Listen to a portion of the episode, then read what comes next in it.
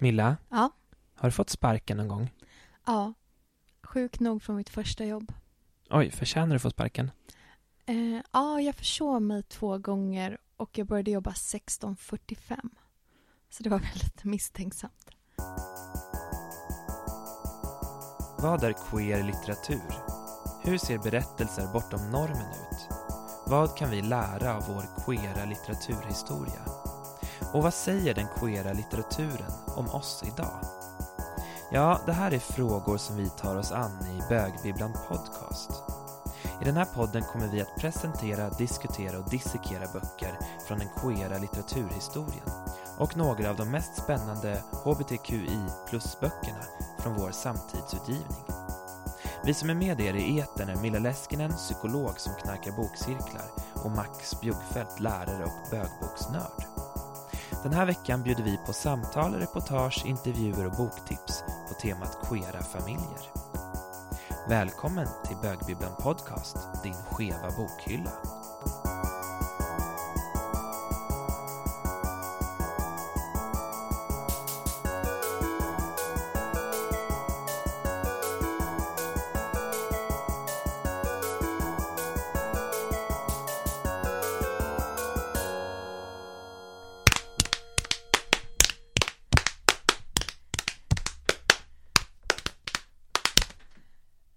Vad det där var Milla? Eh, nej. Det var min absolut bästa klappramsa. Okej. Otroligt bra klappat. Imponerande snabbt. Mm, paus! Jag måste rätta till min mikrofon här nu så att jag kan prata vidare, så den inte är nere i skrevhöjd längre. Jättebra avsnitt med max på lårhöjds eh, avstånd. Mm. Och med detta så hälsar vi er välkomna till avsnitt fem av Bögbibblan Podcast. Ja! Vad ska vi prata om idag? Eh, nu ska vi prata om något som innehåller föräldrar kanske, och människor, och kanske husdjur, och kanske barn och sånt. Är du plötsligt fem? Ja, dagens tema är queera familjer. Max, vilka ingår i din familj? Hmm, bra fråga. Alltså om man tänker familjen där jag bor så är det ju mest jag och mina krukväxter som ingår i den familjen. Eh, om jag tänker på i min, eh, liksom, i min historia så har det ju varit olika partners eller vänner som jag bott med har jag kanske tänkt varit familj ibland. Men framförallt tänker jag på mina föräldrar och mina syskon. Det är det första jag tänker på. Vad tänker du på? Mm. Ja, men jag tänker nog också först och främst som det barn jag också är på mina föräldrar och min lillebror, att det är det som är min familj. Men numera också min tjej och jag antar eh, också då att en hund ingår i min familj eftersom vi nu bor i samma hushåll. Det känns liksom drygt att inte räkna med den. Men jag, jag är lite ovan att ha djur, så här, eh, liksom så andra arter i min familj. Brukar man ha det? Alltså absolut, Mm. det tror jag är en vanlig fa- familjemedlems eh. Just det. Jag har varit med och begravt hundar och katter och akvariefiskar och hamstrar och sköldpaddor och alla möjliga djur i min familj. Så det är ex-familjemedlemmar? Definitivt ex-familjemedlemmar. Uh, men du, apropå vara barn så tänkte jag på det när jag förberedde mig inför det här avsnittet att jag var så otroligt oqueer som barn, eller många barn som är väldigt konservativa när de är barn. Men jag hade en sån så statisk bild av min familj och jag var så livrädd för att mina föräldrar skulle skilja sig. För jag tyckte att det kändes så liksom vulgärt och liksom sjukt att det skulle komma in en annan liksom vuxen i min familj som då skulle bli någon typ av familj. Alltså att en främling flyttar in och bara är, så ingår i den här gemenskapen som känner sig stabil och liksom evig. Ja, som ni hör, har inte skilda föräldrar. Intressant, eh, för jag har ju eh, skilda föräldrar, fast de är inte skilda från varandra, utan de har varit skilda innan de hittade varandra. Men jag har ju uppväxt upp i en familj där flera familjer har ingått i familjen, kan man säga. Så liksom mina eh, föräldrar har umgåtts med sina ex-partners och deras nya familjer, så vi har liksom varit väldigt många barn och vuxna som har på något vis delat högtider, vardagar, eh, resor och eh, liksom där, där generationer också har blandats för att vi har så långa generationer i min släkt så. Okej. Så det är liksom som en annan, lite annorlunda kanske. men så, så dina föräldrar umgicks med sin liksom, nya partner och deras barn, alltså du, men också med sitt ex eh, och liksom dens eh, liksom, familj och barn som den hade med den. Men liksom för dig då, eh, ingick alla de här personerna i din så här, idé om familjen? Alltså det är väldigt bra fråga. Jag skulle nog snarare säga så att jag kanske hade eh, redan som barn en uppfattning om vad som är den närmsta familjen och vad som är en slags utökad familj som inte är några man är blodssläkt med så att säga. Och var det här en liksom en så här, för min idé om familjen var ju då att den var väldigt statisk och på något sätt evig. Uh, men var din idé då att liksom människor kunde så komma in och ut ur familjen? Eller att några kunde vara lite närmare familjen under en viss period? Nej, det tror jag inte jag förstod riktigt som barn. Däremot minns jag som vuxen att jag blev helt överrumplad över att eh, man liksom, eh, många inte umgås med sina ex-partners som vuxna. Att det liksom är vanligt att man slutar umgås när man är slut. Hur upptäckte du det här? Att... Var det när du träffade din första straighta person? Nej, det var den egna brutala uppväxt, upptäckten av när jag gjorde slut i min första relation. Att du bara, va? Kan inte vi umgås längre? Exakt så. Det var, nej men det var typ så på riktigt. För jag hade liksom bilden när jag var liten, från, från när jag var liten så tidigt, att så här, det här behöver inte betyda slutet på en relation, bara för att man inte är kärlekspartners längre. Mm. Men det är ju ändå relativt ovanligt skulle jag säga, i alla fall bland straighta, att man umgås så mycket med sina ex som dina föräldrar verkar ha gjort. Mm. Mm. Det kanske var en sån 70-tals hippiegrej. Mm. Men vad, på tal om ex, vad händer med ex? För de, om, de, om ens partner då är ens familj och sen gör man slut, upphör då familjerelationen? Va, vad är de då? Är de liksom före detta familj? Mm. Alltså, det där är en sån himla bra fråga eh, som jag inte kanske kan svara på direkt. Men det jag tänker är att det som det kan upplevas som eh, i de fall där liksom en, en, en part, att, att, liksom att, man inte, att man slutar umgås och höras, det är ju nästan som att man förlorar en människa som, som, som att man, man går igenom en sorgeprocess som när, man, när någon går bort, liksom så. Eh, så på så vis tänker jag liksom att, att ja, det kanske upphör med, med den stora sorgen som det innebär så. Mm. Ja men det är väldigt speciellt. Jag tänker också med, och inte bara ens ex då, utan också kanske exets familj. Då har man kanske haft som, liksom, som ett medlemskap i, i, en annan familj, men som är beroende av en relation. Och när den upphör så upphör också den här medlemskapen. Um, på något sätt. Uh, och jag tycker det är jättespännande då liksom, att tänka sig att familjerelationer som liksom inte alls det där eviga som jag föreställde mig som barn utan också mycket mer som någonting som är i en pågående och ständig förändring. Samtidigt som det finns den här äh, på något sätt idén eller liksom nästan överenskommelsen i så familjerelationer eller familjelika relationer att de ska vara just eviga. Så att liksom man är inte bara tillfälligt syskon med sitt syskon utan det tänker jag är en så relation som kommer bestå så här, tills jag dör. Eller att man, man liksom, det är inte som att man ibland är sina föräldrars barn och ibland inte utan det är liksom på något sätt en evig relation. Men att man då i andra så här, familjära relationer eller familjelika relationer eh, bara är i dem eller har dem liksom under en begränsad period. Mm. Och det som är så intressant med det här är att det är så svårt att tänka sig utanför sin egen uppfattning om vad familj är jag tänker så här för oss som har pluggat lite, några genuskurser och så, och, och liksom man, i teorin så vet man att så här, familj organiseras olika i olika kulturer på olika platser och olika tider. Men ändå så känns det ju som liksom helt omöjligt, eller så svårt att tänka sig utanför den här relationen, den, den relation jag själv har, barnförälder eller, eller till syskon, fast jag i teorin vet att det kan vara så himla annorlunda. Mm. Ja, precis, för det är på något sätt den första relationen när man eh, får liksom lära känna när man växer upp att man är ett syskon eller ett barn till någon. Alltså det är den första personen som man ofta relaterar till.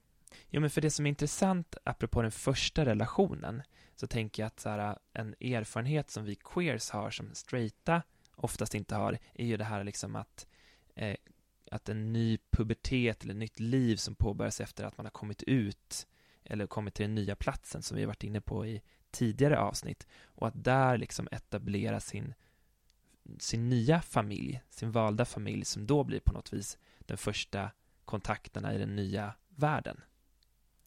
Eh, ja men precis, det här med vald familj, det kommer vi prata om lite längre fram. Men jag är nyfiken för du nämnde att du har haft en liksom, familjelik eller en typ liksom, typ av familjerelation med vänner som du har bott med. Berätta mer om det. Jag tänker att det är det som har att göra med eh, så att man bygger upp nya ritualer tillsammans. Eh, som, som, som, som ingår i den här oartikulerade samvaron som man har när man kan umgås helt otvunget med varandra. Mm. Vad kan det vara för någonting? Ja, men jag tänker liksom den här att, att, att jag vet vad du har för behov när du vaknar på morgonen. Eller jag vet vad du blir glad av eller inte blir glad av, av att hitta i kylskåpet. Just det. Eh, och att liksom kunna uppfylla eller svara upp mot de behoven till exempel utan att, att det behöver liksom, man behöver säga det alltid. Mm. Just det. Mm. Fint. Vad händer med de relationerna sen när man flyttar isär? Mm, jag vet, jag har inte tänkt på det. Vad, vad tänker du? Ja, men jag har funderat lite grann på det, för jag har liksom bott med um, kompisar i olika konstellationer under alltså i princip hela mitt vuxna liv. Eh, alltså mer än tio år och så jag har mycket erfarenheter av det. Och jag tänker att det är svårt att upprätthålla den känslan av närhet som kanske kommer sig av just de här sakerna som du var inne på. Att man verkligen känner varandra, man förstår varandras behov, man tillgodoser varandras liksom, behov på olika sätt. Men också att man så delar eh, en vardag tillsammans, en otvungen eh, liksom, samvaro som du också var inne på. Eh, och att det kan vara svårt att då upprätthålla när man inte längre bor ihop. När man då så här, eh, reducera, reduceras, om man nu ska liksom, eh, göra en hierarki av det här, till att vara en vän som man så här, ringer och snackar med eller träffar på en öl eller så. Att det är någonting, alltså det gör någonting med relationen att man så här, rostar mackor åt den andra när man vet att den är stressad på väg till jobbet eller man har koll på här, när den går och lägger sig eller du vet, vet vad den har drömt. Liksom. Eh, den berättar om det när den klär på sig skorna i hallen på morgonen. Att, att det är ja, men svårt att upprätthålla den här familjära känslan tycker jag eh, efter att man har liksom, flyttat isär. Just ja, precis. Så det är liksom någonting så kontextuellt att sen eh, omvandlas det till någonting annat än relationen. Jag funderar på om det finns liksom någonting specifikt för queera familjerelationer. Mm. Det är det det här avsnittet ska handla om. Så du är från Värmland? Benjamin harklar sig och trevar efter något att tala med Rasmus om. Ångrar sig genast. Rasmus värmländska är så uppenbar. Som om man just stigit av tåget. Knappt innan Rasmus hinner svara ja avbryter för övrigt Paul. Åh, här finns väl en av varje sort. Raine är fiskarpojke från Bohuslän. Bengt är från Jämtland och ska bli skådespelare. Jojo men, stor stjärna i vardande ser du. Han blinkar utmanande mot Bengt, som faktiskt blir en aning generad. Han vänder sig till Rasmus. Äsch, jag har just kommit in på scenskolan. Har tre år kvar innan jag går ut. Men gud ändå, så ödmjuk man kan vara plötsligt. Lägg av. Som jag sa, stor stjärna i vardande. Så har vi Seppo som är finne och Lars-Åke ihop med en finne. Själv är jag jude och Benjamin är värst av alla, för han är Jehovas vittne. Alla tittar förvånat på Benjamin som mot sin vilja rodnar. Paul ser triumferande ut, som om han visade upp ett ovanligt djur på Skansen. Är det sant? frågar Rasmus tvivlande. Jajamensan, vakttornet och hela balletten, ropar Paul utan att ta hänsyn till Benjamin som famlar efter något att säga. Jag kan visa er, jag fick en broschyr. Han reser sig halvvägs för att hämta traktatet han fick av Benjamin första gången de möttes. Benjamin ser vädjande på Paul. Varför gör han så här? Vad har Benjamin gjort för att ställas ut på det här viset? Han ser hur Rasmus tittar på honom med den där skeptiska minen hos någon som kommer avvisa honom och stänga dörren framför näsan på honom när han går i tjänsten. Vi tar det en annan gång, ropar han nästan förtvivlat efter Paul.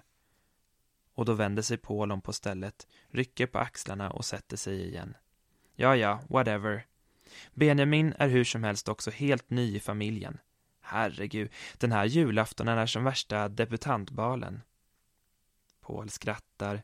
Mitt i skrattet får han en hostattack så att champagnen skvätter åt alla håll. Det hettar till inom Benjamin han har just nära på förnekat sin tro.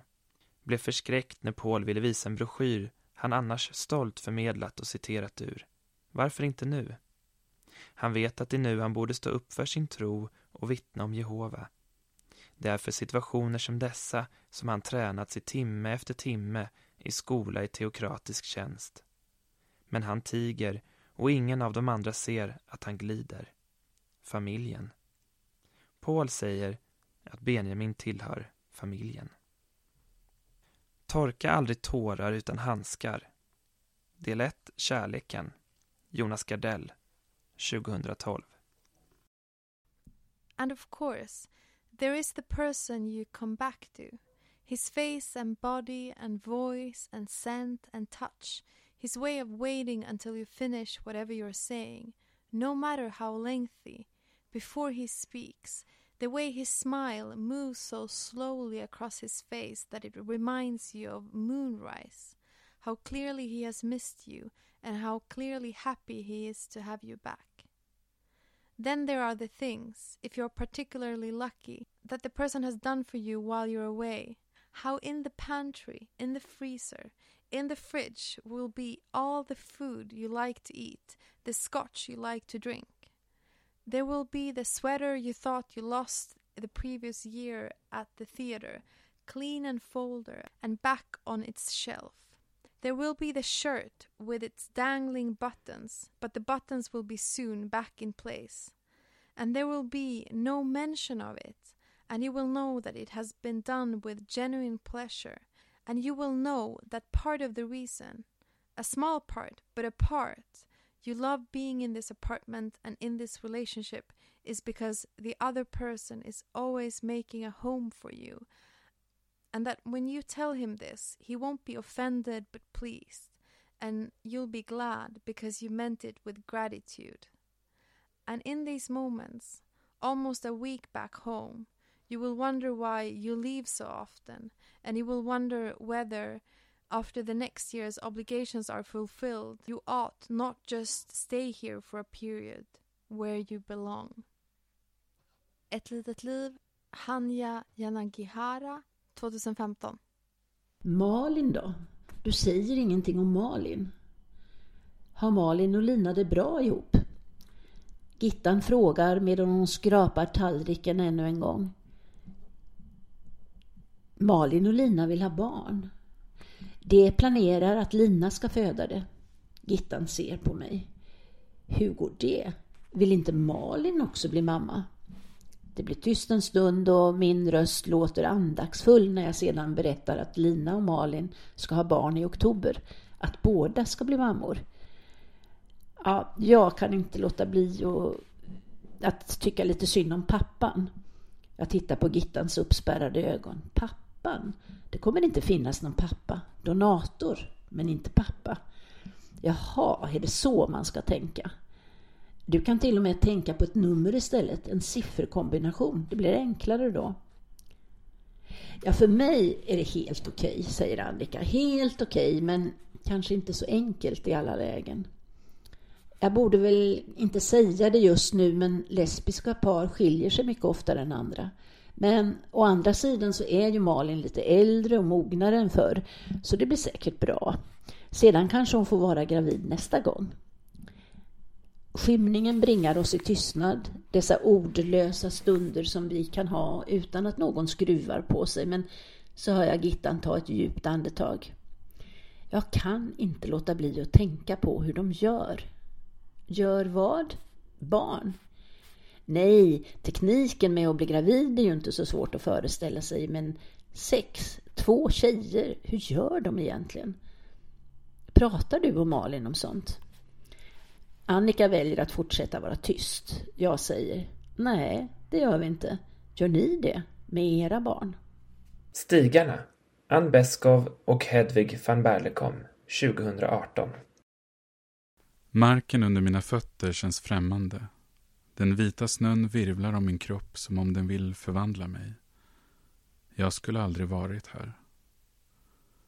Det är så där kallt ute att varje gång en andas krampar luftrören i protest. Det grönmålade parhuset i trä står anonymt i ett radhus, radhusområde. där det enda som skiljer husen åt är nyanser av olika urvattnade pastellfärger. Jag kramar ytterdörrens handtag så hårt att knogarna vitnar av greppet. Handens naglar är täckta av en dov nattblå färg. Nästan adlig i sin ton, det är mitt favoritnagellack. En ärvd melankoli strålar från handtaget och in i mig. När jag låser upp och vrider ner handtaget finns det ingen återvändo. Det är mörkt ute nu och det ömmar i ryggslutet efter den långa bilresan från Stockholm. Utan att riktigt veta hur det går till så står jag plötsligt i min hall. Nej, inte min. Det är hans. I luften ligger en bekant doft av nybryggt kaffe och osköljda tomglas och allt ser ut som sist jag var här. Hallmattan i kork och de tunga trämöblerna från tidigt 80-tal. Inga lampor är tända. Jag lägger tillbaka nyckeln under keramikgrodan på trappen där ute, där jag just har plockat upp den. Sen stänger jag dörren bakom mig, låter den vara olåst. Hallå, säger jag. Att prata i det här huset är som att sjunga en vaggvisa in i en dunkudde. Ja, svarar en tunn, mörk röst från köket. Vill du ha kaffe? Jag böjer mig ner för att snöra upp mina läderkängor. Hans röst gör mig förvånad. Jag minns den inte som så liten. Jag ställer hemvant kängorna i skostället. I det här huset har var sak sin plats och går sedan in i köket. Han sitter med sin kopp i det blygsamma ljuset från köksfläktslampan som skänker köket en värme. Allt är i furu. Väggpanelen, köksluckorna, kökslådorna, det runda grova bordet, lampan som hänger ovanför bordet, köksstolarna och kryddskåpet. Köket ser ut som en bastu. Jag såg att du körde en Opel, det är väl ingen riktig bil? Säger han som om vi var kollegor på någon bensinmack. Jag försöker desperat att minnas vad som stod i den där artikeln i Svenska Dagbladet om arv och miljö. Jag lånade den av en granne, säger jag. Opel, det kör bara tattare och kärringar. Och ja. Vill du ha mjölk i?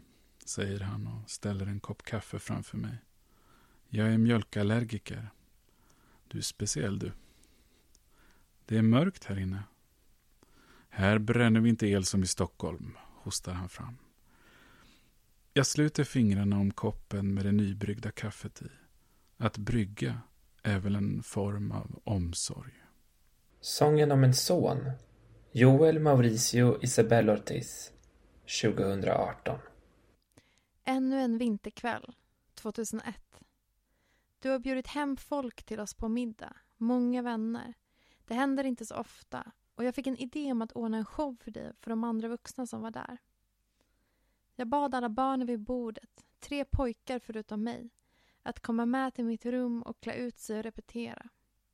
Jag hade bestämt att vi skulle spela upp en konsert med en numera upplöst popgrupp som hette Aqua. I över en timme hittade jag på koreografier, danssteg, gester och talade om för de andra vad de skulle göra. Jag hade valt att vara sångerskan. De tre andra pojkarna skulle vara bakgrundssångare och spela i luftgitarr. Jag var först ut i matsalen. De andra kom efter. Jag gav klartecken och så började showen. Men du vände genast bort blicken. Jag förstod inte varför. Alla vuxna tittade på oss förutom du. Jag sjöng högre. Jag överdrev dansrörelserna för att du skulle lägga märke till mig. Men du tittade inte. Jag sa pappa titta, titta. Jag kämpade. Men du tittade inte. Kvällen då vi hade låtsaskonserten var mina krafter verkligen på upphällningen. Men jag ville inte ge upp. Jag vet inte hur länge jag framhärdade med mitt titta pappa titta. Det slutade med att du reste dig och sa jag går ut och tar en cigg. Jag hade sårat dig. Kvällen med låtsaskonserten sårade jag dig då därför att jag spelade tjej och därför att du trodde att dina vänner skulle döma dig för det. Att de skulle ge dig skulden för att ha uppfostrat mig som en tjej. Vem dödade min far? Edouard Louis 2019 Vi vill utmana konventioner och driva på positiva förändringar i vår bransch och ibland även i världen. Vi är rastlösa genomförare drivna av nyfikenhet, entusiasm och en önskan om att skapa en bättre värld. Vackert! Vem har skrivit de här underbara orden, Milla? Ja, vad tror du? Det är 10 poäng om du klarar på den här. Uh, jag tänker att det måste vara något slags, kan det vara någon sån här typ politisk organisation? Ja, Något parti? just det. Skulle kunna vara. Eh, Var det nej. 10 poängs gissningen? Det, det var 10 poängs gissningen. 8 poängs gissningen. eh, Kundklubben heter Family. Eh, Det låter ju lite så här eh, konservativt. Just det, vad har vi för Något värdekonservativt. Värdekonservativ grupp. politisk grupp? Ja. Kristdemokraternas ungdomsförbund. Nej, Ja. jag ska bara. Eh, Okej, ehm, nästa association. Svenskhet. Blågult. Känns ju också ganska konservativt, patriotiskt. Kan det ha något med kungahuset att göra? Mm. Eller Det- den här någon sån här Sverige i världens, ni vet så Instagram, Sverige på Instagram liksom, typ sån. Aha. Eh, just det, Sweden abroad. Eller Ja, det ja, heter. precis. Okej. Nästa, det här är två poäng. Ja. Köttbullar och lingonsylt. Okej, billiga köttbullar. Ja. Det måste vara IKEA. Hurra! Alla rätt. Eh, jag tycker det är väldigt kul att IKEA då i sin värdegrund har att de, de låter som eh, queers ju. Rastlösa genomförare, det är ju du och jag. Mm. Härligt gäng! Drivna av nyfikenhet och entusiasm. Ja, varför har vi åkt till IKEA? Jo, men i det här avsnittet så vill vi ju undersöka familjen och vilken liksom, vilket varumärke i Sverige symboliserar liksom inte familjeliv mer än IKEA? Mm.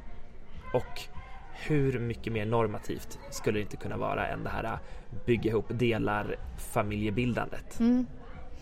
Precis, så var sitter vi nu någonstans?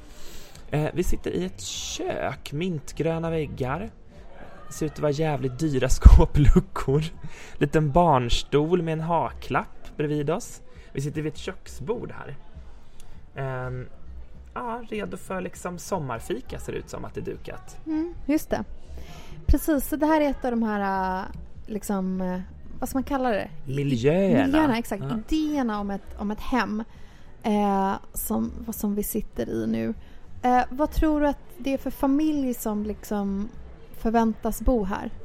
Ja men det är en familj som har i alla fall ett litet barn, lite leksaker, den här barnstolen. Man har en soffa där det liksom får plats typ tre eller personer kanske med en fåtölj framför TVn. Det är liksom det man gör när det är så här fredagsmyset. Man har liksom lite tavlor med barnen på väggarna. Eh, finns en spjälsäng i sovrummet. Ja men någon slags barnfamilj. Mm, just Mm. det. Och hur ser, vilka ingår i den här barnfamiljen? Vad är din fantasi?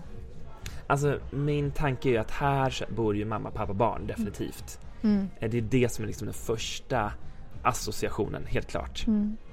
Nej, men det är intressant hur man har liksom valt att bygga det här köket. För jag tänker att man fattar ju direkt att det är tänkt att vara för en familj. Och det känns som att det är deras liksom visuella koncept också ju. Att det är så här mycket väldigt vardagliga situationer. Typ någon tv-reklam med någon sån stressad småbarnsfarsa på morgonen. Som ska iväg till dagis och när det är någon som spiller någonting och så är det någon fläck på kläderna. Mm. Typ att de liksom anspelar ju verkligen på, på något sätt så vardag och familj eh, som ska gå att känna igen för liksom många. Det är inga rika personer, det är inga konstiga personer utan det är någon typ av så här, liksom ursvennighet som liksom eh, levs ut i, i de här reklambilderna. Och kanske Mm. också i det här hemmet. Mm. Men eh, man har ju suttit i ett gäng såna IKEA-kök. Eller suttit, suttit, i alla fall gått förbi alla, alla de här plågsamma IKEA-rundor man har behövt göra varje gång man flyttar. Hur skulle man kunna liksom queera till den här platsen? För att både du och jag läser in att så här bor mamma, pappa, barn. Men vad skulle liksom krävas för att vi skulle tänka oh, här kanske bor ett flatpar med barn eller? Mm. Alltså jag tänker just den delen kan ju vara så här genom liksom sådana typ regnbågssymboler till exempel, eller den typen av symbolik. Men, men annars tänker jag att så här, det här är ju också ett kök som, eller en plats som passar även så här, homofamiljen som vill liksom appropriera heterolivet så, eller leva heterolivet. Det jag tänker som skulle kunna queera den här platsen, det vore ju snarare kanske att så här, man ser att så här, här finns det plats för fler vuxna än två i det här hemmet. Vi kanske har så här namnskyltar på skåpen med vems mat som är var eller liksom att vi har eh, plats för liksom fler än en familj eller mer än en generation i det här hemmet till exempel. Det tänker jag exempel som skulle liksom gå utanför eh, den liksom familjenorm som även så här homopar ofta kopierar. Mm. Just det, till exempel två sovrum med två dubbelsängar. Till exempel. Mm. Precis. Men hej! Hej! Hej Max! Välkommen hit! Tack! Gud vad kul att vara här. Jag har ju aldrig fått se hur du bor. Nej men välkommen in, jag har ju precis flyttat in här. Ah. Rivit ut allting, rivit ut allting. Och, eh, Ut med det gamla, in med det nya. Man vill inte ha något gammalt, gammal lägenhetshavares gamla kök stående här. Nej men gud, allt ser helt sprillans ut. Vad, vad, berätta vad du tänkt. Ah, jag har tänkt eh, monokromt, monokromt, monokroma färger. Jag får så ont i ögonen när jag skrikit. Eh, Så här- grått, grått, grått. Grått, grått, grått, grått, grått, grått, grått. Eh, här, det är så att eh, mitt inre flärdfulla jag ska få lite kontraster, kontraster. Här har jag ställt Margareta-glasen till härliga drinkkvällar med killarna, med grabbarna, innan vi drar ut på Secret Garden. Ja. Och många olika typer av kaffedon. Ja, ja, ja, ja. Det, det, helgkaffe, helgkaffe, presso, eh, vardagskaffe, kvällskaffe, bönor när man vill mala sina bönor. Just det. Ja. Ja men du. eh, Kylen. Här har vi gurka till när man ska göra sin fredagsdrink, sin tisdagsdrink, Mm. torsdagsdrink. Och gud, här har du liksom försökt efterlikna lite restaurangkänsla här. Ja, ja, ja, ja, ja. Det ska kännas som att man är på Asian fusion restaurang varje dag. Ja, ja, ja, ja. Ingen, ingen, ingen ingen, ingen hemlagad mat här inte. Här är bara, bara färdigköpt mat, ingen kompost. På- Först jag rev ut komposten. Ja, Plastmonsteror också. Ja, ja, jag orkar inte. Alltså jag flyger ju så mycket, jag reser så mycket, flyger kon- inte kon- kontinentalt, inte kontinentalt, har inte tid med växter. Ja, sen så behöver jag ingen dammsugare, jag har ju en någon som kommer hit och städar. Man behöver inte städskåp Nej, rev ut städskåpet på en Ah, gång. det är det som är compact living. Absolut, ingen tvättkorg, ingen Nej. tvättkorg. Slänger allt, Ja. köper nytt. Otroligt, jag visste det, för det finns faktiskt ingen tvättkorg i den här mini-mini-lägenheten du bor i. Nej, nej. Men den ligger ju också på Kungsholmen. Den ligger också på Kungsholmen, det. 20 våningen. Berätta om din boksamling. Eh, de böckerna betyder väldigt mycket för mig och har jag läst många gånger. De kom med hyllan eller? Nej, det där är böcker som jag har läst och som betyder mycket för mig. Ja, men... Eh, Men gud vad kul att få komma hem till dig. Exakt. mm, Gärna en drink innan vi drar ut på Kungsholmen. mm, mm. Så bara in i kylen här. Ja. vad tyckte du om vår lilla tur på Ikea? Ja, men jag tycker framför allt det där besöket hemma hos din polare i hans nya lägenhet var härligt. Just det, max två. Precis. Aha, ditt alter, alter ego. När du blir som festbög. Psh, är det framtiden? Mm. Det är det vi har att vänta om du slutar med queer-litteratur. Precis. Eh, ja, men det var intressant att besöka IKEA utan att vara här för att man måste köpa någonting och bara fundera på vad det är här för, för plats och vem är det för och vad är det värderingarna står för. Och just det med familjen är ju verkligen centralt. Och de, de har ju dels att de kallar sina medarbetare för familjen tydligen. Ja, oj. Ja, och liksom kundklubben heter också IKEA Family. Så att jag är väl då också kanske medlem då IKEA-familjen. Och att det är väldigt liksom centrerat kring familjen. Man såg ju inte så många så här ensam eller polyhushåll representerade här. Just det, det är så marknadsföringsplanen är så här, upprepa familjen, familjen, familjen. Exakt. Verkligen. Alltså både mot kunder, medarbetare men också för de som liksom besöker butiken så fysiskt. Ja, så intressant. Familjens eh, kommersiella högborg. IKEA. Ikea, tack för att du tog med oss på den här utflykten Milla. Tack.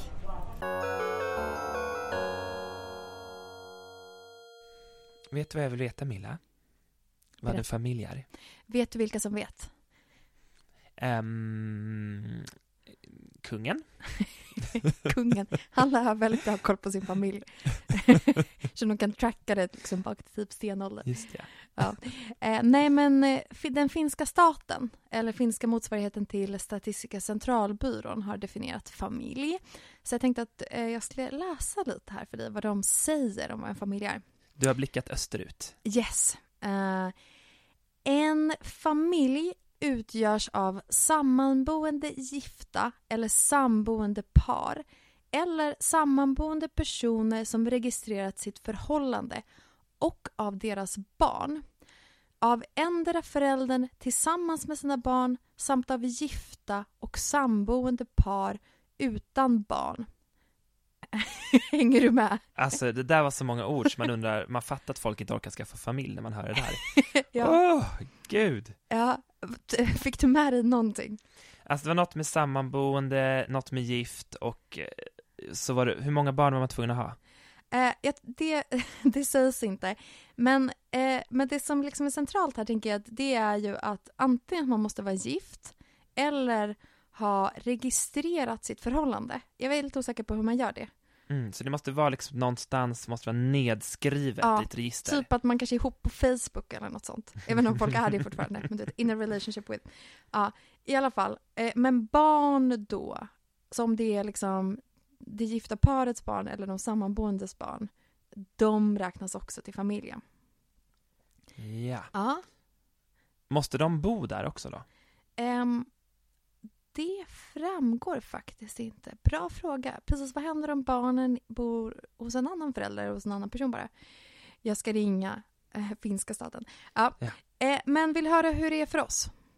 Vilka, vilka oss? Det är mig? Dig och Har mig? vi en familj? Eh, nej, men personer eh, som, eh, alltså hbtq-personer. Ja. Ja, det vill jag höra. Vi har då, eller personer av samma kön har kunnat registrera sitt parförhållande från och med den första i tredje 2002. Och sen har också eh, Finland då infört en könsneutral äktenskapslag som man också kunnat gifta sig från 2017. Eh, men och, och vad tar du med dig från det här stycket? Eh, ju, ehm, man kan vara ett par, men man kan inte ha barn. Eller? det, det är det här med barnen i den eviga frågan. Nej, men det, som är, intre- det som är intressant här då är att om man till exempel skulle leva i en flersam relation Ja, då är man då tydligen inte en familj. just För det- ja. Eh, står ju tydligen registrera sitt parförhållande. Så det kan bara vara två vuxna i en familj? Ja. Ja. Var det nyheter Vad är man annars? Det vet jag inte. Vad händer med den här, blir den en inneboende då? Eller liksom, det. Otroligt speciellt. ja. Hmm. Mm, så, Det är också speciellt om man tänker på typ vår historia, tänker jag, i så här Norden av att ha så fler generationsboenden. ja. Du, det här med generationer, det kommer alldeles strax. Eh, vill du höra vidare? Ja, verkligen, för nu börjar jag bli riktigt nyfiken. Personer utanför kärnfamiljen som bor i bostadshushåll hör inte till familjebefolkningen, även om de är släktingar. Familjebefolkningen. det verkligen känns som att så här, de här heterosexuella håller på med ett helt eget liksom, så här, parallellt system. Det är, en, det är en del av den finska befolkningen som också, de har inte bara finska pass utan de tillhör också familjebefolkningen. Ja. Straighta är så himla konstiga. Verkligen. Borde göra en utställning om dem. Men okej, men det här, den här meningen då. Så att, säg att eh, en, ett sånt här par då skulle bo med den enas syskon. Mm. Då tillhör den inte familjebefolkningen. Även om den är syskon med en av de här vuxna.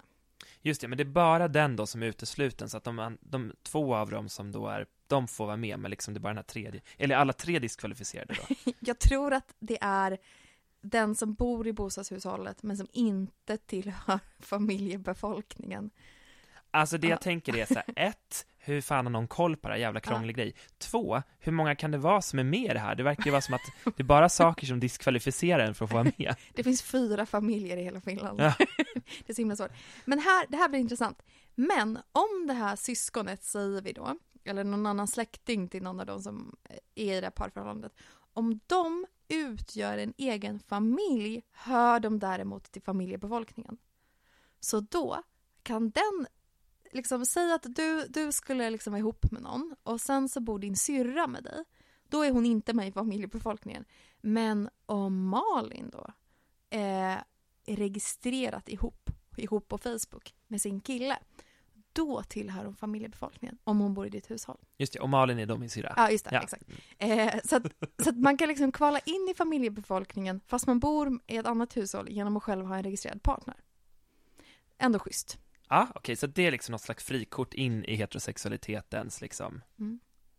Mm. Fort igen. Exakt, exakt. Bli ihop. Eh, vad tror du om syskon eller kusiner som bor ihop? Det här blir lite, lite quiz. Tillhör de familjebefolkningen eller inte? Alltså, det beror ju på om de är ihop eller inte. Men det kanske man inte heller får vara. Det, jag, det, kusiner får väl vara ihop? Men kanske inte syskon. Nej, syskon. Så då är det också bara om de är har någon partner åt ett annat håll. Exakt. Så att sammanboende syskon eller sammanboende kusiner, de räknas inte till familjebefolkningen. Men det här är en kuggis faktiskt. Också en fråga till finska staten. Vad händer om kusinerna då är ihop? Och Ja. bor tillsammans? Och vad händer om de här syskonen bor med sina föräldrar också? Vi generationer kommer i nästa steg. Just det, så var det. Ja. Okej. Lyssna, och lyssna här då. Här kommer vi queers in igen. En person som bor ensam eller tillsammans med en person av samma kön som inte är hans eller hennes make eller maka eller part hör inte till familjebefolkningen. Så här har vi svart på vitt, Max, att du som är ensamboende, du tillhör inte familjebefolkningen. Det känns som att jag har fått någon slags fribiljett, liksom, ut från ett fängelse här. Du är friskriven. Ja, Behöver inte ta något ansvar. Ja. Men det här betyder också att jag inte heller tillhör familjebefolkningen. För jag har liksom inte registrerat någonstans att jag liksom är ihop med någon. Inte ens på Facebook. Inte ens på Facebook. Så att inte heller jag tillhör familjebefolkningen. Nej. Ja. Eh, nu har vi tagit oss igenom den här långa definitionen. Eh, man undrar ju vem som har haft det här uppdraget att slå fast och finska statens vägnar vad som är en familj och hur ofta det här revideras. Ja, och, och jag undrar liksom, vad ska man ha det här till? Vad, vad används det till? Vet du det, Milla? Eh, det är ju liksom Statistiska centralbyrån, så jag antar att de måste kunna ge statistik på så här, hur många ensamhushåll finns det, hur många bor i familjer och så måste de definiera så här, vad en familj är. Men det är ett jättebra exempel på hur staten faktiskt dikterar vad som är en familj eller vad som räknas en familj. Och det i sin tur har ju en rad konsekvenser för oss i vårt liv ju. Det dikterar ju vem som kan få barnbidrag eller vem som kan eh, liksom vara hemma med ett sjukt barn eller vem eh, typ, som har någonting att säga, liksom rätt att säga till om någons vård eller vem som får ärva vem och en ja, rad olika ekonomiska eh, och andra områden i livet. Just det, precis. Att det här är liksom inte någonting som bara är roligt, utan det är något som verkligen spelar roll för människors liv och får konsekvenser. Verkligen. Och det har ju varit en central del av den liksom så queera kampen genom historien. Att liksom få rätt till de här olika sakerna. Eh, som, som vi redan varit inne på till exempel. Eh, rätt att bestämma eh, vem man ska leva med och på vilket sätt man ska leva och, och allt vad det innebär. Eh, jag tänkte att vi skulle prata lite grann om... Tänkte vi skulle bara liksom göra som en snabb X2000 genom eh, den liksom närhistorien när det kommer till queerkamp, när det kommer till familjeområdet. Vad tror du om det? Mm, Spännande, det ser jag verkligen framåt. Jag tänker vi börjar då långt tillbaka i historien. Eh, nej, Max. Tyvärr, det här är en historia som har sin början på 1980-talet, för innan dess så fanns det ingenting. Eh, när det kom till familjerätt, eh, när det kom till queers. Just det, det är så sjukt att fatta Ah, hur fort saker och ting har gått. allt under vår livstid. Få höra. Yes! Eh, så den här historien har sin början på 1980-talet. För att det innan dess helt enkelt inte fanns någon aktivism som drev den här typen av frågor. Men sen slutet av 1980-talet så har hbtq-personers rättigheter inom familjerätten faktiskt gradvis stärkts i Sverige. Så jag tänkte vi skulle göra ett litet quiz. Du ska få... Oh! Ja, Jag bra? älskar spel och lekar, sport du- och fritid. Sp- Sport och fritid. Jag vet inte vad det här går in. Kanske inte sport. Det går in under fritid. Eh, men du ska få gissa vilket år olika saker hände. Mm, kul. Vad är Ja. första priset? Eh, det första priset är en klubba. Mm. Mm. Härligt, det ser jag fram emot. Ja, okej. Suger på. Vilket år... Så himla opassande. Okej. Redo för sport och fritid. Familjerättigheter för queers i Sverige. Eh, vilket år fick samkönade par eh, börja med, liksom, med internationell adoption? Adoption. Men du var ju inne på 80-tal, så inte tidigare än så. Känns ändå som, mm, mm, ah, eh. nej men det kan ju inte vara så tidigt. Jag tänker, kan det vara sl- nej inte slutet, början av 2000-talet tänker jag. 2002. Nästan. 2003. Va? Mm. Jag trodde ändå jag sa lite sent. Mm. Kuggfråga. Hur många internationella adoptioner har gjorts av samkönade par? i Sverige. Fram tills nu. Mm. Eh, mm, mm, jag vet- 15? Noll. Noll! Ja. Ja, för det är ingen som vill adoptera till Nej. svenska bögar och flator. Exakt. Mm. Eh, det är bara Sydafrika som har godkänt det, vad jag vet. Mm. Eh, Okej, nästa fråga. När fick lesbiska rätt till assisterad befruktning? Mm, 2005 kanske jag gissar på då? Jävla bra. Va? Helt Är det rätt. sant? Ja. Men nu visste jag att det var efter 2003 i alla fall, så tänkte Nej. det kan inte vara så sent eller? Ja. Mm. När gjordes äktenskapet könsneutralt? Men det vet jag, det vet jag, det är 2009 eller 10? Vad Nej. tror du? 9. Yes! Ja! Otroligt Max. Jag kan nog mer om det här med familjen än vad jag trodde. Mhm. Ja, gissa. Okej, när togs kravet om sterilisering bort för transpersoner? Åh jävlar, det, nu ska vi se, jag gissar på 2018? 2013. Oj, det var så länge sedan Mm. ändå. Ja, fast också så nyligen. När kom lagen om könsneutral föräldraskap... Frå- Jag kan inte ens uttala det. Snö...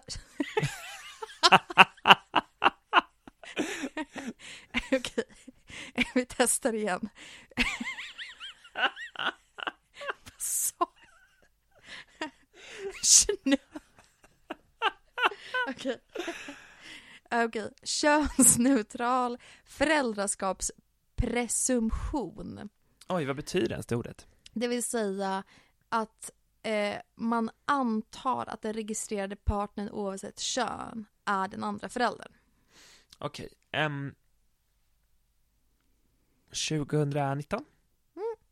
Fel! Mm. Första januari i år. Jaha. Så Alldeles fräsch lag. alldeles fräsch lag, Mm. sprillans ny. Så det betyder alltså att idag gäller samma regler och lagar för alla par oavsett om de är av samma kön eller olika kön eh, när det kommer till samboende, adoption, äktenskap. Och det här är faktiskt en del eh, av regeringens uppdrag att säkerställa lika rättigheter oavsett sexuell läggning och identitet.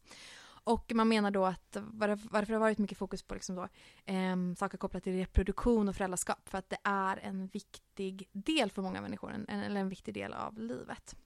Men tänk alltså på vad oerhört mycket som har hänt sen du var liten babybög. Gud ja, det känns som att hela historien har hunnit spelas förbi sen dess. Mm. Men vad ska vi tänka på det här då? För att det finns ju en kritik mot det här, att queers har drivit den här typen av frågor, alltså rätt att bilda familj, rätt att ingå äktenskap som så centrala frågor för sin kamp. Att liksom det har på något sätt blivit så symboler för en lyckad assimilering i majoritetssamhället. Och att det har också blivit ett sätt att liksom köpa sig en biljett till acceptans från eh, majoritetssamhället. Så här, kolla, vi är inte så här skumma, läskiga gubbar i en park utan vi är så här jättenormala, reko eh, killar som så här, till och med har barn. Men alltså det är ju precis som du beskriver att det här har ju orsakat en uppdelning i, i hbtq-samhället. Och det är ju inte en alldeles ny uppdelning, den här uppdelningen har ju funnits sedan liksom mång- och flera årtionden tillbaka sedan innan, innan 80-talet så. Eh, och, och den uppdelningen synliggör ju vilka som släpps in och vilka som inte släpps in i, i samhällsgemenskapen. Men den synliggör ju också vilka som lämnas kvar av vilka, alltså vilka som inte bemöda sig, liksom solidarisera sig med andra queers. Berätta mer. Ja, men så exempelvis så kan man tänka sig att, att när, när vissa medborgarrättsliga kamper så har vunnits så har liksom leden tunnats ut kan man säga. Och det har vi sett liksom även inom feministiska rörelser. Eh, och att, att ett sådant exempel kan vara att när partnerskapslagar eller rätten att gifta sig eller rätten att adoptera har liksom när de kamperna vunnits så har de personerna som har varit involverade i de kamperna inte sen funnits kvar i rörelsen för att bedriva de medborgarrättsliga rörelser som andra eh, hbtq-personer behöver. Till exempel transpersoners liksom, rätt att inte behöva sterilisera sig. Eh, så. Mm. Just det, så nu är man så här, yes jag fick gifta mig och fick skaffa mina barn, så so long, nu ska jag liksom in och kramas med alla heteros. Exakt. Mm. Okej, så de här personerna som, som har fört den här kampen då, att de har eh, kämpat för rätten att gifta sig, kämpat för rätten att få barn och så vidare. Det har liksom om liksom förhandlat eller förändrat bilden av vilka som kan bli föräldrar eller vad det kan innebära att vara gift. Men man har inte ifrågasatt liksom familjen som institution utan man så reproducerar den fortfarande som ett så ideal när det kommer till hur man ska organisera sina relationer. Och att jag tycker det är så intressant att tänka på hur liksom queers då skaffar sig legitimitet i majoritetssamhället genom att omfamna eh, majoritetssamhällets äldsta och på något sätt liksom trångaste liksom roller och ideal, alltså så här moden eller liksom så, eh, den gifta eller någon som ingår i ett äktenskap. Eh, men det jag funderar på då är så här, ruckar vi på de här rollerna? Eh, eller förändrar vi föreställningen om vad en familj är eh, eller vad föräldraskap är eh, genom att ingå i de rollerna. Genom att så här, queers blir föräldrar, även om det är liksom en så här, förlegad institution och familjen är en förlegad institution. Um, förändrar vi då alltså bilden av vad en familj är? Vi förändrar ju, på, i viss mån så är det ju så att, att på ett idéplan så förändras ju bilden av vad en familj kan omfamna. Den bilden vidgas ju ändå lite. Men problemet som, som det medför är ju att de eventuella diskriminerande juridiska effekterna kvarstår, som till exempel så här, vilka som då inkluderas i att kunna få vad det nu kan vara, så här, barnbidrag eller vab eller arv som du var inne på tidigare. De, liksom, de aspekterna förstärks ju, även om bilden av vilka som kan ingå i det vidgas. Mm, just det. Så att på något sätt den kulturella bilden förändras, eh, eller så, samhällets föreställning om vad en familj är. Mm. Men att rent här, juridiskt har vi kanske inte ännu hängt med där. Precis, och det som händer då är ju att i och med att majoriteten på något vis blir ännu större så blir ju minoriteten ännu mindre och ännu mer utsatt, så de som fortfarande är kvar på utsidan blir ju mer utsatta i och med det. Ja, nu sitter jag i Malmö i en eh, källarlokal på Sorgenfri. Visst var det på Sorgenfri? Ja, på Sorgenfri. Ja. I en eh, soffa som ser ut som den skulle kunna vara kanske från Svenskt Tenn, men jag misstänker att den har en annan historia. Oj, gör du den någonsin? Vad fint. Det är en Ikea-soffa och så kunde man beställa ett nytt eh, sånt här Blomsteröverdrag. Ja, mm. vilket jag gjorde. Precis. Eh, ja. Och du är ju Kristoffer Folkhammar. Så är det. Som är med nu i Bögbibblan Podcast. Ja. Och vi är jätteglada att du är med. Tack, det är jag också. och vi sitter ju i ditt arbetsrum i den här källarlokalen. Eh, och det är liksom bara fullt med böcker här. Mm. Din bok Inspo. Ja, mm. det jag sitter ju här och jobbar och med olika saker. Eh, och då är det liksom alltid andra böcker som är vägen in i det jobbet på mm. något sätt. Mm. och i bakgrunden så hör vi någon liten, något lite jazzigt från någon granne. Ja, det är väldigt mysigt. Mm. Eh, det, nu är det någon sorts plonkande gitarr. Och emellanåt är det också ett lite mer så här, ö, liksom, ödsligt och dramatiskt piano, pianospel. Mm. Vilket mm. också är fint. Jag gillar, att, jag gillar det. Fint. Vi hoppas det kommer med på inspelningen också. Mm. Eh, och du, Kristoffer, har ju skrivit ett gäng böcker. Jag vet inte riktigt hur många, men eh, några av dem som jag har läst och uppskattat mycket är Isak och Billy, Magisterlekarna som ju filmatiserats precis och din allra senaste bok är ju Är det barnen baby? Ja, Precis. precis. Och sen har du gjort massa fler saker också, skrivit eh, bland annat poesi och... Du hoppar över poesin, precis. Ja, precis. Mm. Men jag tänkte också på novellen som jag tycker mycket om, eller Problemet är att han älskar honom. Precis. Mm. Ehm, men nu är vi här för att prata om queera familjer. Ja, Ja, och det finns det ju lite spår av i dina böcker. det får man ändå säga. Mm. Eh, och en särskild person som jag är nyfiken på är ju berättarrösten i Är det barnen baby? Mm. Eh, och det är ju en bögpappa, en ensamstående bögpappa. Mm. Mm. Kan du berätta lite mer om hur det kom sig att du berättade om honom? Ja, det var ju föga unikt då när jag själv blev förälder ihop med en kompis eh, och själv blev den här ensamstående bögpappan med en eh, relation till ett barn som överrumplade mig och ett, en relation till min medförälder då eh, att bearbeta som den idén kanske, alltså själva frågan eller temat sådär kom upp. Men jag gick och lurade på det ganska länge hur jag skulle skriva. Eh, Alltså jag ville skriva någonting om ett icke-straight familjebildande helt enkelt. Med eh, bögpappan i fokus. Och så när jag i den här romanen Är det barnen baby handlar liksom om, eller kretsar kring eh, hur hans liv blir sammansatt när han å ena sidan då försöker förstå vad det innebär att vara förälder och vad det innebär att ha en relation med den här medföräldern som blir väldigt speciell. Ehm, så hamnar han, under tiden där så hamnar han i ett triangeldrama med två män som han inte kan vara utan. Ehm, och det var liksom när jag fattade det och sen ytterligare komponent att han skulle rikta sig till en annan bögpappa. Romanen är skriven som ett brev till liksom den enda andra bögpappan som han känner ordentligt. Um, så det var liksom när de, när det, när de där, när jag kom på att nej men så här sammansatt ska det vara.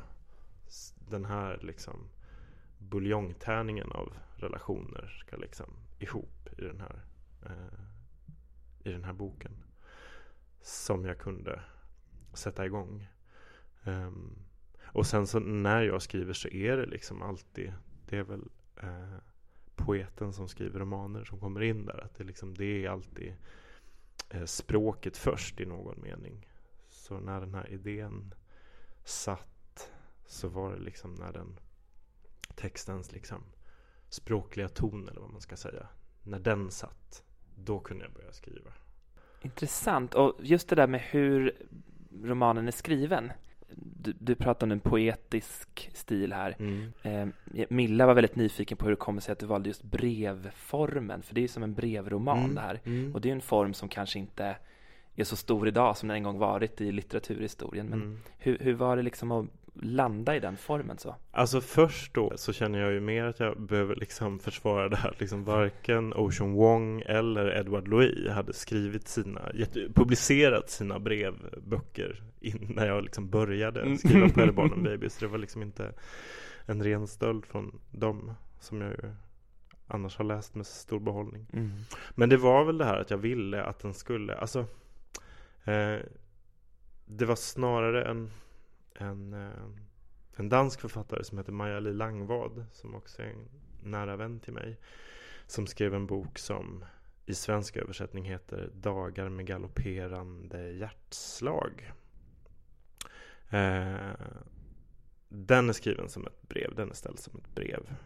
Eh, och det var när jag läste den som jag fattade att det var ju det är ju det här jag ska åt. För där handlar det också om att upprätta en förbindelse mellan två som eh, delar en, en, en viss erfarenhet kan man säga. För det är ju något så här speciellt med brevformen i litteraturen i att den är så Brevet är väldigt intimt, det kan vara väldigt sensuellt och väldigt liksom eh, nära. Att man söker någon på ett väldigt nära sätt.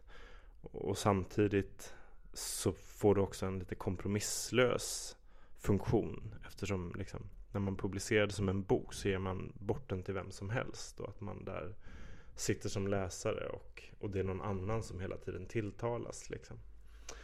Eh, så brevformen kom helt enkelt till det att jag ville Jag ville skriva om den här bögpappan och Eh, ge bort den texten till vem som helst. Men jag ville rikta den till någon där den här bögpappan också sökte någon sorts likhet liksom och där eh, jag litteraturen kan aldrig vara ett tryggt rum och det tycker jag inte att den ska sträva efter att vara heller men det är någonting med eh, att han behövde söka likhet liksom.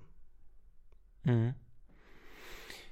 Jag blir nyfiken på det du, det du beskriver här med att det var den enda bögpappan han kände eller visste om, så mm. att det var den han mm. riktade sig till.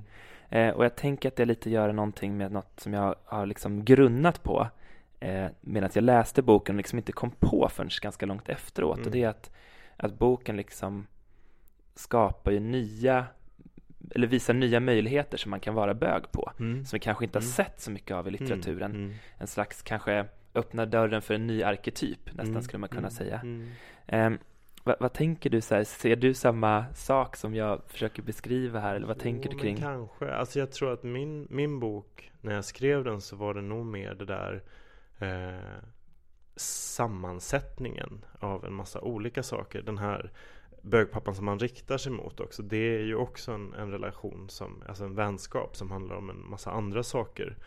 Eh, den här duet i romanen, alltså den som brevet riktar sig till, får också någon sån en fantastisk väninna position, lite så. Mm. Eh, så att de har ju också en, en relation som är, så det, det, det, handlar mer om att, att liksom det där konglomeratet av relationer och identiteter och sätta samman dem. Um, men jag tänker att man kan närma sig det här med bilder av bögar och arketyper eller eh, stereotyper som jag tycker kan vara väldigt intressant att jobba med på olika sätt. Man kan närma sig det från olika håll.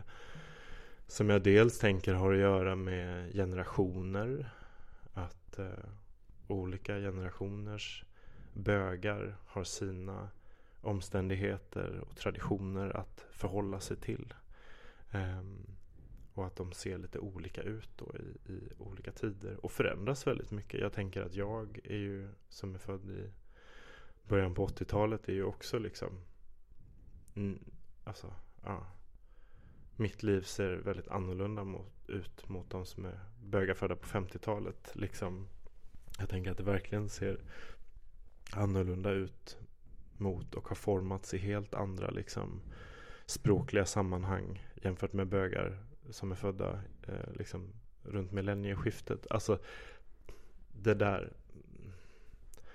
generationer och tider, alltså om man generaliserar väldigt grovt då liksom. Men, eller man, man, kan egentligen säga så här olika, om, om, olika omständigheter formar ju vilka identiteter som, som trädde fram i litteraturen och som eh, folk speglar sig i liksom.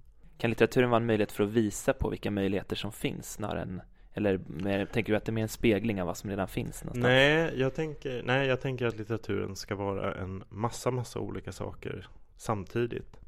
Eh, litteratur kan bekräfta erfarenheter och att man känner igen sig och får någonting fördjupat. Men lika mycket så kan ens erfarenhet eh, liksom förskjutas och störas och bli liksom på olika sätt skadad av att liksom och ifrågasatt av att man tar del av någonting annat. Jag tänker att det är liksom precis lika viktigt och att det handlar så mycket om att litteraturen handlar också om att slip, få slippa sig själv och så liksom. Um, men jag tänker att men jag, samtidigt så är det ju inte alltid så enkelt. Oj, bang. nu var det en dörr som Eh, slog igen här. cykel, cykel intelligence cykelförråd som slog igen.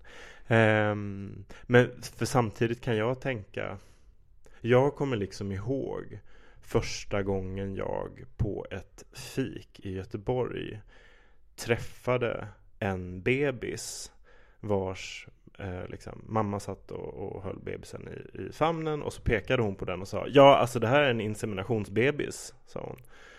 Eh, och så berättade hon då liksom sin historia med hur, ja, det är ju liksom en lång grej. Men hon berättade då hur liksom eh, hon och ett ex liksom hade, hade skaffat det här barnet tillsammans. Eh, inte i en kärleksrelation utan eh, genom insemination. Och hur mycket det att få träffa det där barnet där då och henne och höra om deras liv. Att det ju liksom gjorde jättemycket för mig då som en ung bög som längtade efter barn men som verkligen inte förstod hur det skulle kunna gå till liksom. Eh, Att det gjorde så stor skillnad för mig. Och då är det klart att de här liksom representationerna i böcker och i film och på tv och sånt också kan så här, såklart inspirera och, och komma med förslag kring hur man kan ha sitt liv liksom. Mm, det är väl bara viktigt, jag liksom känner att vi som queers och queers som intresserar oss för queer-litteratur och queera erfarenheter i litteratur ibland liksom Ibland stannar vi där vid, vid någon sorts uppbyggliga representationer liksom. jag, alltså jag har själv liksom hamnat där väldigt ofta. Det är lätt att hamna där liksom. För att man tycker att liksom, utbudet är så smalt och då fastnar man i det där att uppskatta olika verk utifrån om, om, om det är bra representation. Eh, och jag, är liksom, jag, jag vill inte bagatellisera det på något sätt. Så här, det är ju jätteviktigt men så här, vi får inte, jag tycker inte heller vi ska nöja oss med det. Mm. Jag tycker att vi ska förvänta oss Framförallt ska vi förvänta oss storslagen konst på något sätt. Eh, det måste inte stå i, eh, liksom, det behöver inte motsäga varandra men ibland kan det göra det. Mm. Ehm, Så att det, jag är liksom lite ja, Jag känner olika saker kring det där med litteraturens liksom funktion som någon sorts vägvisare eller så liksom. Det, ja, det är viktigt på ett sätt men eh, vi eh, underskattar litteraturen och vi slösar med litteraturen och vi nöjer oss med det liksom. Mm. En av styrkorna med Är det barn en baby eh, tycker jag är att huvudpersonen så skildras som en hel person med liksom flera typer av relationer och motstridiga drivkrafter och, och så som en människa ju upplever ofta i sitt liv. Eh, och jag tänkte på att jag gick in i, i läsningen av den boken för att som jag som bög läste den här för att jag tänkte skriva något till mig som bög. Men jag tänkte också på att den här vi, skildringen vidgar ju inte bara bilden för mig då vad en bög kan vara utan också vad en pappa kan vara. Mm. Eh, var det någonting du tänkte på när du skrev? Alltså, jag tror att jag mer eh, Jag har ju förstått det. Alltså, eller för jag har fått höra det. Eh, och det har faktiskt överraskat mig. Eh, jag, jag förstod ju Alltså, liksom, så här. När man skriver en bok, eller när jag skriver en bok i alla fall, så har jag ju liksom sjunkit ner i den och är så himla Eh, ja, jag tänker en massa paranoida, nojiga tankar kring vad den kan vara och inte vara i världen. Men det är väldigt liksom djupt nere i, i liksom mig själv och har egentligen inte så mycket med verkligheten att göra. Men jag förstod ju när den var klar och när de läste på förlaget och allt det där. Liksom att, eh, jag kände ju väldigt starkt att det här eh, Alltså ordet bögliv står ju till och med på baksidestexten. Det var viktigt för mig att ha det. Jag tyckte om att sätta det där. Och att det här var liksom en En skildring av en sammansatt bögidentitet var jag väldigt medveten om. Men det har nog överraskat mig faktiskt att den har läst som pappaskildring. Jag förstår egentligen inte varför det överraskade mig men det, det um... eller det, det, var inte lika medvetet från min sida. Att det liksom eh, att den har eh, att den har utmärkt sig som pappaskildring eller vad, vad, vad en far kan vara och sådär. Eh, men det kanske, den blev ju liksom också indragen i något sånt, alltså ganska eh, heteronormativt sammanhang i någon, någon, artikel i DN där den då sattes i relation till andra liksom pappaskildringar sådär och att eh, den avvek i det att den inte uppehöll sig så mycket kring egentligen ah, jag blir instängd i den här föräldrarollen. Eh, och det, det förvånade mig ganska mycket att eh,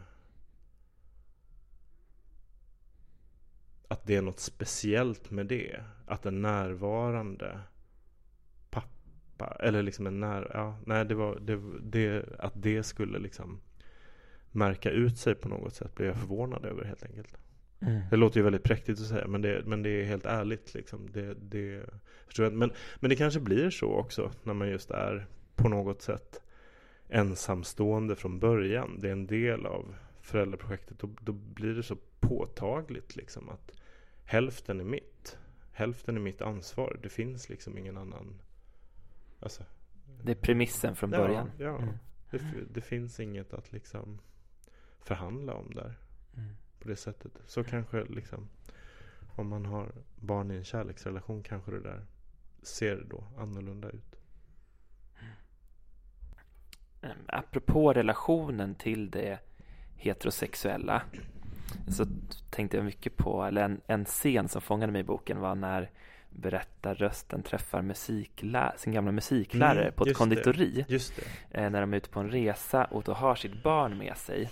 Mm. Och hur, hur, hur, att bära på ett litet barn ger verkligen en sån så heterosexuell mm, symbol på mm, ett sätt. Mm. Eh, och, att det, och att berättarrösten då gärna skulle vilja visa att det finns ett mm, släktskap mm, mellan oss. Mm, du, du är ju också bög och jag är bög. Men att det blev, liksom, blev svårt i den situationen. Det var liksom en, en situation jag aldrig ens har föreställt mig liksom, att man kan hamna i. Um, och då blir ju det liksom det där med att man, man bär på heterosexuella symboler blir på något vis också något som gör det svårare att hit, se varandra. Att man blir främlingar nästan för varandra så på ett sätt. Mm. Mm. Hur tror du att vi queers kan påverkas av det? Nej men just den där eh, just den scenen eh, Då är det alltså Berättar jaget är ute och åker bil med det lilla barnet och medföräldern mamman liksom. Och så stannar de till i hans gamla uppväxtort och går in på ett konditori där och ska köpa fika. Och så får han syn på då inte bybögen egentligen utan byfjollan som, som liksom folk gjorde narr av under hans uppväxt och hade en massa föreställningar om. Liksom, så. Och så vill då berättarjaget som nu liksom har kommit ut och lever ju ett sånt ett etablerat urbant bögliv vill på något sätt bonda då med honom. Eh, och så upplever han att det liksom att det förvirras eftersom han ser ut som han ser heterosexuell ut. Men jag tänker att den scenen, jag vill ju beskriva på något sätt hur eh, begär, identifikationer och avstånd alltså cirkulerar liksom. Eh, för att när det liksom till syvende om sist så vet ju inte heller jaget någonting om den här mannens liv egentligen. Eh, han, eh, han kanske är nöjd där på landet. Han kanske inte vill vara, ha något släktskap med honom. Alltså så att det finns en massa, flera liksom mot, motstridiga saker eh, i den scenen som var viktiga för mig att, att, att skriva ihop. Um, men Nej men, men där kan jag väl eh, Kring de heterosexuella symbolerna eh, Och det queera livet Alltså där kan jag väl ändå då vilja insistera på att vi kan också omskapa dem. Eh, vi kan till exempel då eh, bygga familj på andra sätt. Eh, vi måste inte försöka kopiera exakt liksom. Och vi kan, alltså jag tänk, där kan jag väl ändå tycka då att, att, att det har någon litteraturen som den där platsen för eh, identifikation och, och, som någonting där man kan få syn på hur man kan leva sitt liv och så. Eh, att få ett, ett värde där då. Att eh, ja, men vis, visa att, att vi kan också så här, vi kan organisera våra liv på, på andra sätt. Liksom. Vi kan göra vad vi vill med de där symbolerna. Och eh, förstår vi det så, så eh, kan vi liksom eh, känna igen varandra i alla fall. Liksom. Mm. Ja, och det är väl, tänker jag, många människors dröm, tänker jag, att de där äh, symbolerna ska kunna också, att man ska vara fri och kunna anamma och använda sig av dem också. Ja, men precis, mm. precis. Mm. Jag tycker det är spännande det här med eh, queera generationer. Eh, för att när jag tänker på de böcker jag läst som du har skrivit, som Isak och Billy eller novellen eller problemet är att han älskar honom och så din senaste bok så ser jag ja, men, från mitt eget liv att de så träffar in på flera mm. flera delar av mitt liv som jag upplevt så eller kan relatera till på olika sätt som det här med tonårsattraktion eller ens första mm. relation mm. eh, och att så här, någon gång kanske också bli förälder exempelvis. Finns det hur ser du på att skildra ett sånt livslopp? Nej men jag förstår väl kanske att det är det jag håller på med. Alltså mm. jag vill ju skriva och skriver lite andra saker också. Men det där, jag tror att det är att jag fortfarande, eller, eller kanske allt mer har men tänker på det som mitt konstnärliga projekt. Att jag vill liksom beskriva relationer mellan bögar utifrån olika omständigheter. Eh, och jag tänker att det finns det finns så mycket att skriva om liksom bortom den här liksom eh, bara konflikten kring att komma ut och få varandra. Eh, jag tror ju att det finns liksom en nästan liksom existentiell dimension kring hur omständigheter som homofobi och heteronormativitet och så vidare så här, eh, påverkar oss. Eh, och att därför så kan de där relationerna liksom få beskrivas ganska specifikt. Eh, så det är väl någonting som jag ändå fortfarande är väldigt intresserad av att fortsätta göra. Och sen har jag ju märkt att det är så enkelt som att i takt med att mitt eget liv liksom förändras så blir infallsvinklarna andra. Ehm, jag är ju, liksom, vill ju gärna akta mig för det där liksom att sätta likhetstecken mellan det egna livet och, det, och den skrivna texten. För det är alltid en så oerhört stor skillnad. Men jag märker ju liksom ändå att det, att det går ju parallellt på vissa sätt. Jag tänker eh, åldrande bögar och hur de formar sina sammanhang. Det måste ju inte heller vara med, liksom, med barn. Men hur nej men hur bögars gemenskap ser ut bortom konflikten att komma ut är jag väl helt enkelt så här oupphörligen, eller jag tycker att det är oupphörligen intressant att gestalta liksom. Så. Mm både bögars gemenskap men också bögars ensamhet ska jag säga. Precis, just det, det är verkligen två eh, poler som man som bög förhåller sig till. Mm, mm. mm. Och, och som eh, människa kan... ju. Eh, ja. Och som människa överhuvudtaget. Det är ju inte som att liksom bögar är fundamentalt skilda eh, från, alltså så. Men det är klart att liksom när jag skriver om en människas ensamhet och konflikt med gemenskap så, så är ju det en, en då det här bedrägliga ordet allmängiltigt. Men liksom så här, ja det är klart att vem som helst kan eh, känna igen sig i det. Men jag tycker att det är intressant att titta på det som att det också är präglat av specifika saker som har med en eh, homosexuell erfarenhet att göra. Ehm, det är lite speciellt, tänker jag, det här med att skildra eh, familj och arv eh, Eh, i ett queera liv, just för att det är något som många queer säkert inte kunnat föreställa sig att de kommer få uppleva eller att det kommer vara en del av deras liv. Och nu tänker jag att vi kan ta del av fler och fler skildringar av queera familjer, av queer som föräldrar eh, på, som, och att bli förälder på många olika sätt. Hur tror du att det, det påverkar oss queer som individer eller kollektiv eller så? Men jag tror ju, det låter ju Jag tror ju verkligen på konsten Jag tror ju att konst är liksom bra för människor Även om det är, också är liksom in, inte är ett enkelt bra eller ett uppbyggligt bra nödvändigtvis utan det kan också som sagt, utsätta en för saker och liksom göra livet väldigt mycket mer komplicerat och så vidare. Men, men jag tror ju på konsten som möjlighet till liksom fördjupning på något sätt. Eh, och att man att det, att det liksom jag tror ju ändå att, att jag, jag, tror ju ändå liksom att, att skildringar eh, av våra specifika omständigheter, om man ska säga det, liksom, eh, det, det, kan ändå göra våra liv liksom, rikare på något sätt.